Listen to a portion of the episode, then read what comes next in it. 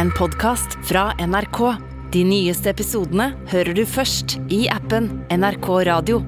I en gate øst i Ukraina poserer en gruppe tungt bevæpna menn for kamera. De har på seg beige uniformer, og alle bortsett fra én er maskerte. Men selv om mennene ved første øyekast ser ut som vanlige soldater, er det noe helt spesielt ved dem. These soldiers are unmarked, anonymous. They fly no flag. Badges on their uniforms betray the work these men do. Their business is death. For ingen av dem har flaggmerke på uniformen som viser hvilket land de kjemper for. De er nemlig leiesoldater i en nådeløs hær som kalles Wagner-gruppen, og som ingen vil vedkjenne seg. Og nå er de dypt inne i krigen i Ukraina. Hvem er egentlig denne fryktede Wagner-gruppen, og hvorfor mener mange at det er Russland som trekker i trådene?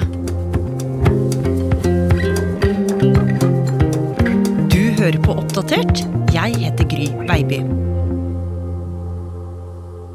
Det er få som hadde trodd at Russland skulle slite så mye som de gjør i Ukraina nå, og har gjort lenge.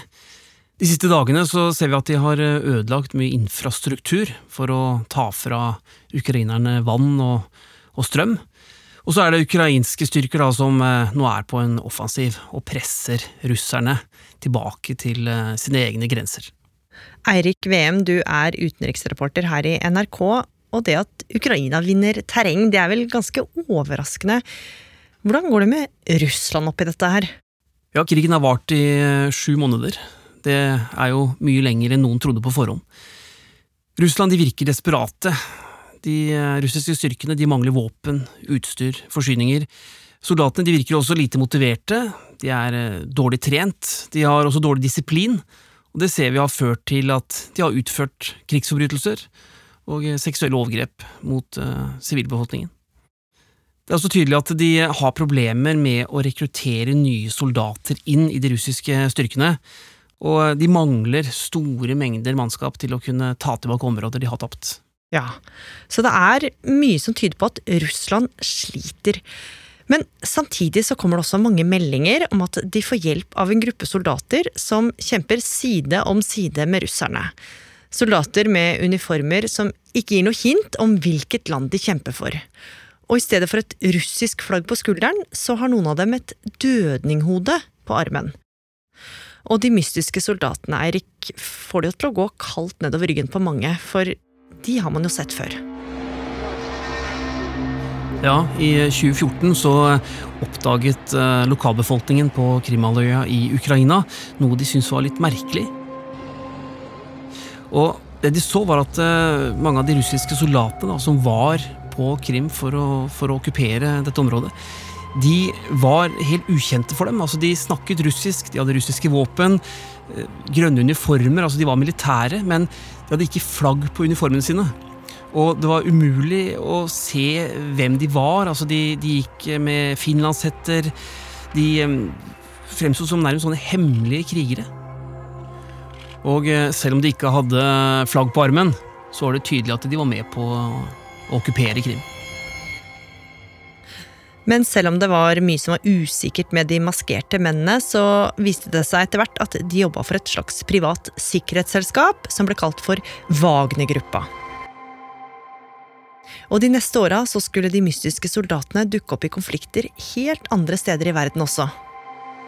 Ja, det var blitt vanligere med såkalte paramilitære grupper, altså militære enheter som ikke var direkte underlagt en stat eller en nasjon, men som opererte med fritt, en, en slags privat aktør med leiesoldater som ofte kalte seg da sikkerhetsselskaper.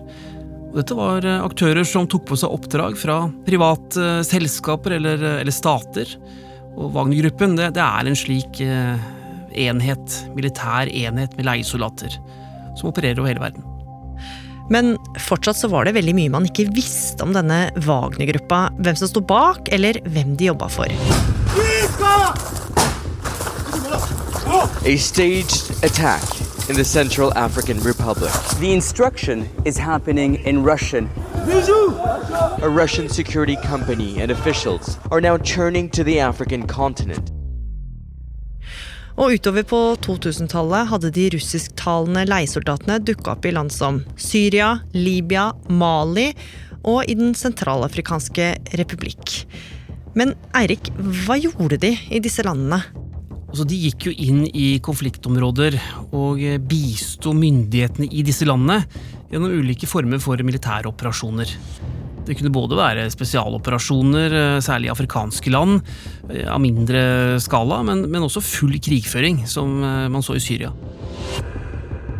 Og lenge så kom det små drypp her og der om hvor nådesløse de mystiske soldatene kunne være. Men en hel verden skulle virkelig få stifte kjennskap til dem etter at de begynte å legge ut videoer i sosiale medier. Og det var ganske brutale scener, eh, Eirik. Ja, det er eh, helt forferdelig, det som skjer i denne videoen.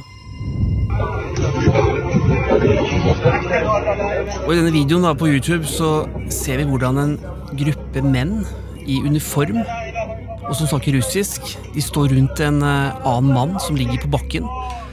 Han har på seg sivile klær, en uh, treningsbukse. Han er tydeligvis livredd. Det som skjer, er at to av disse soldatene de henter hver sin slegge. Så begynner de å slå på han. Og knuser jo hendene hans.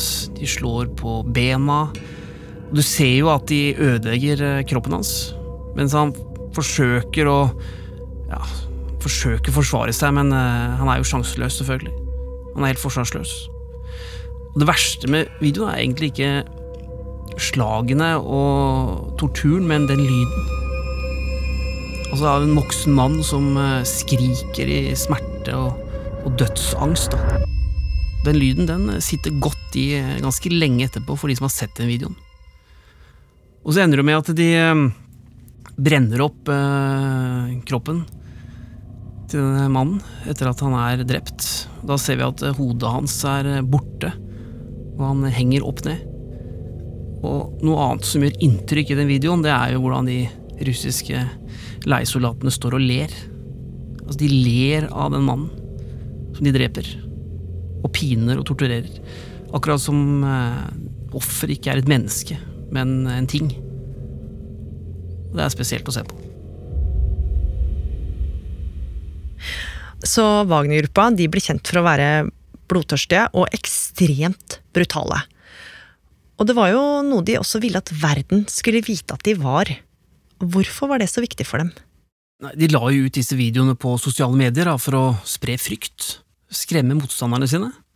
Målet var at der hvor Wagner-gruppen kom, uansett hvor i verden det måtte være, så ville en motstander ikke tørre eller ønske å møte dem i kamp og frykten ble da brukt som et våpen. Og historiene om Wagner-gruppas herjinger med overgrep, voldtekter og drap bare fortsatte å komme. Og etter hvert som gruppas grusomheter spredte seg, så ble det også tydelig at noe måtte skje. Og høsten 2021 så hadde det internasjonale samfunnet fått nok, og både EU og FN reagerte.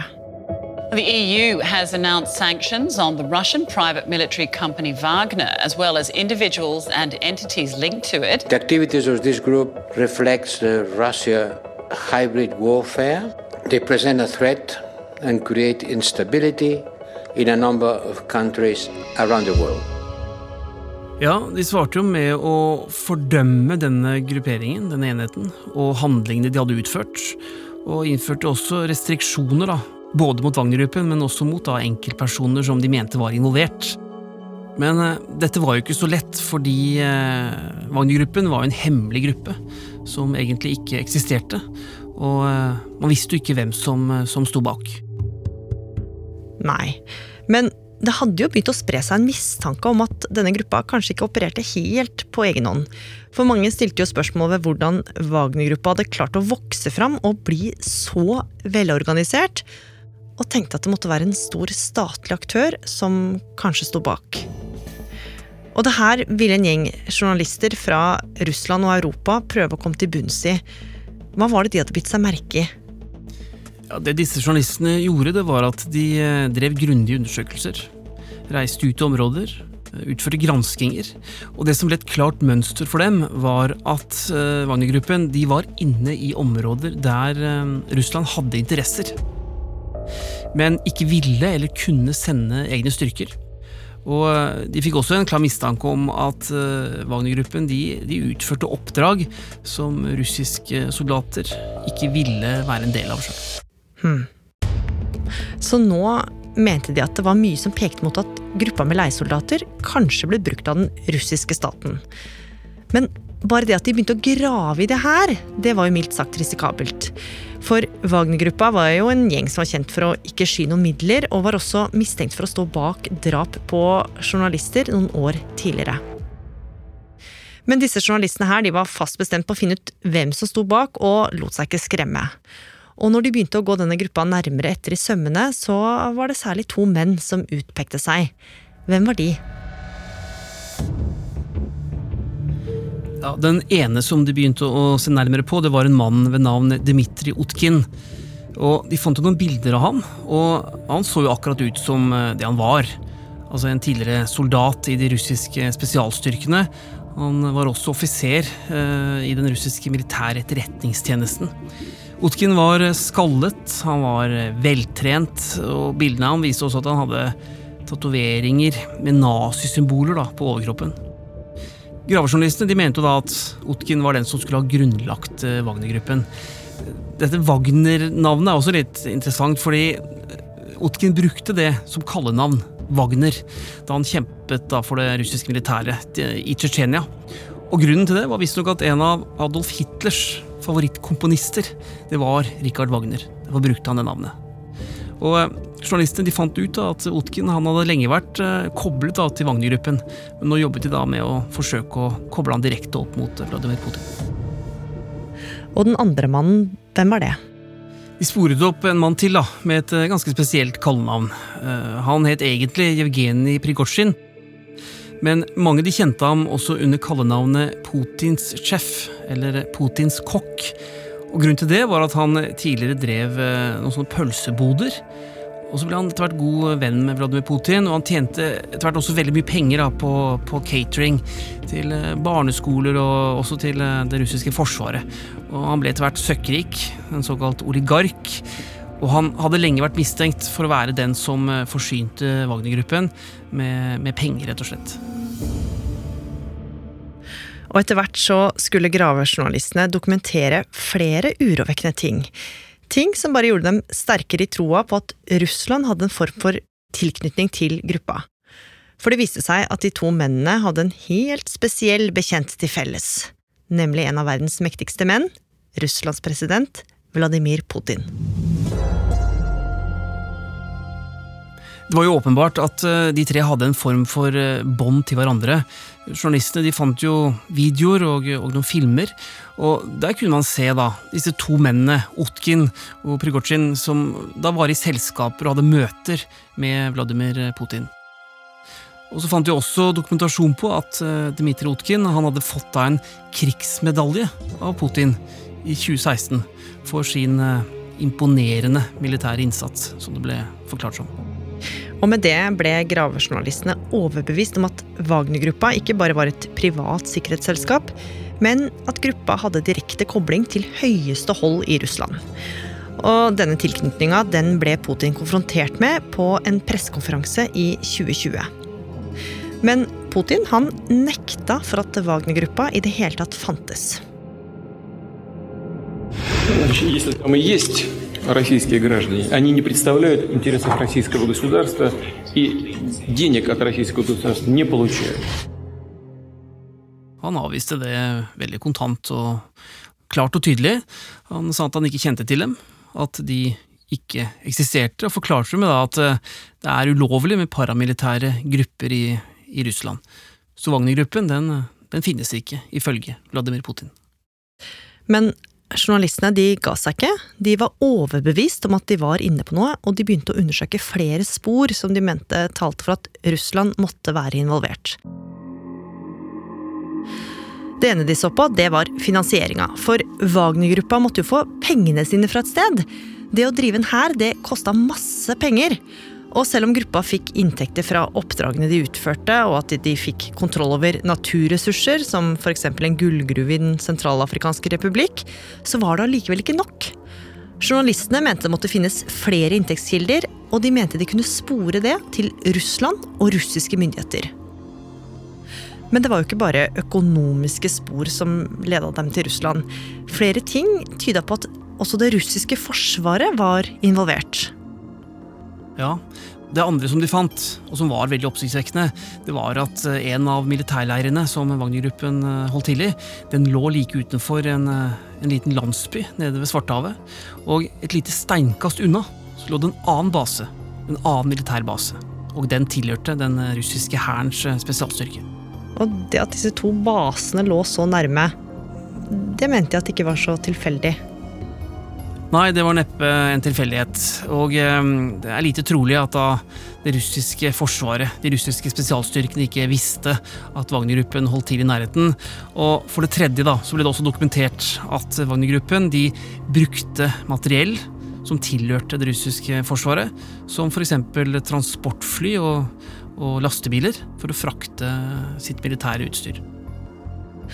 Så ikke bare mente de nå at de kunne knytte to av bakmennene direkte til Putin.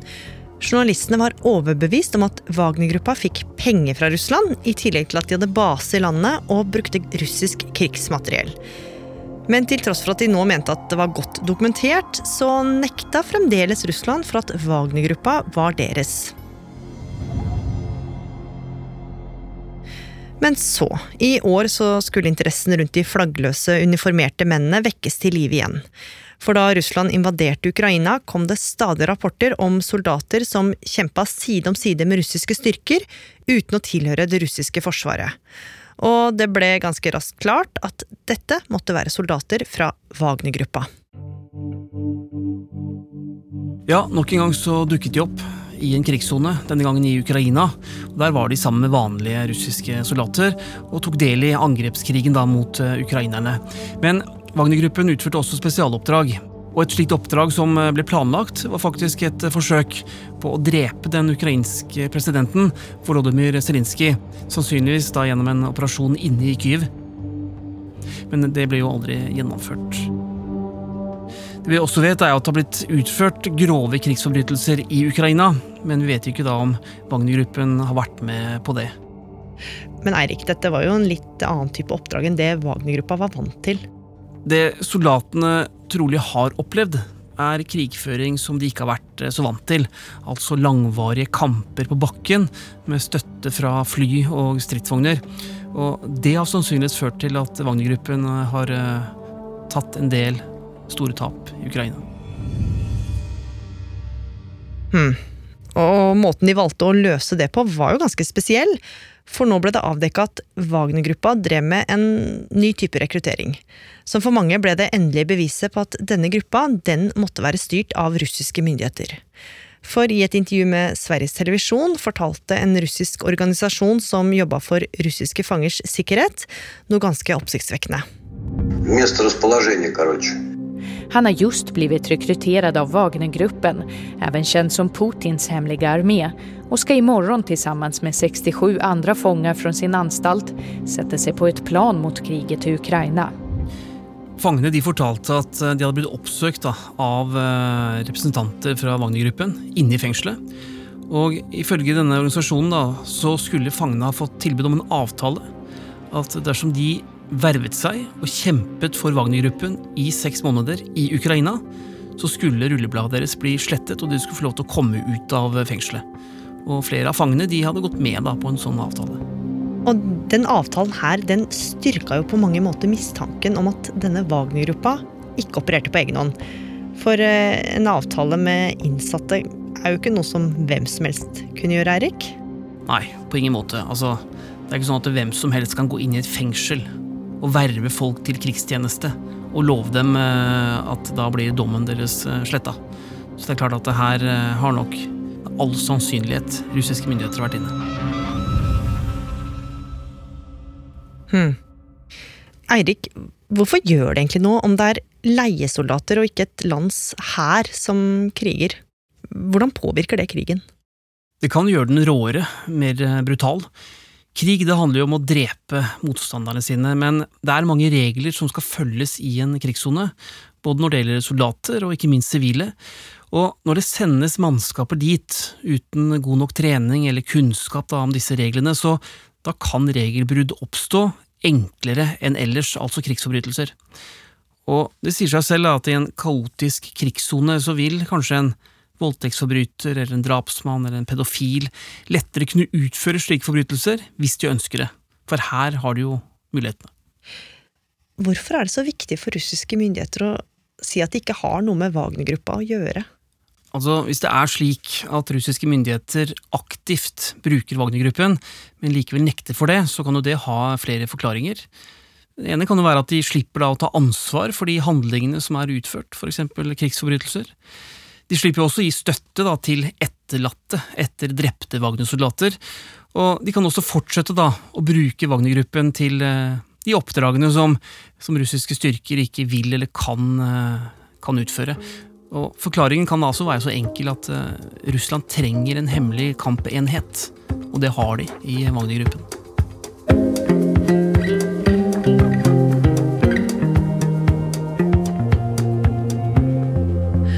Oppdatert er en podkast fra NRK Nyheter, og denne episoden er laga av Kaja Kirsebom. Lars Hægeland. Espen Bjørlo Mellem. Og meg, Gry Veiby. Programredaktør er meg, Knut Magnus Berge. Lyden du hørte, er fra dokumentaren Wagner Russlands lovløse hær, som ligger på NRK. YouTube-kanalen til Jake Tranit, DW News, AP, Al Jazeera, France 24, SVT, BBC News. Takk også til Åse Gilje Østensen ved Sjøkrigsskolen. Har du tips eller innspill, så må du gjerne sende oss en e-post på oppdatert krøllalfa nrk.no. Og du, liker du det du hører, så må du gjerne tipse en venn om oss. Du har hørt en podkast fra NRK. De nyeste episodene hører du først i appen NRK Radio.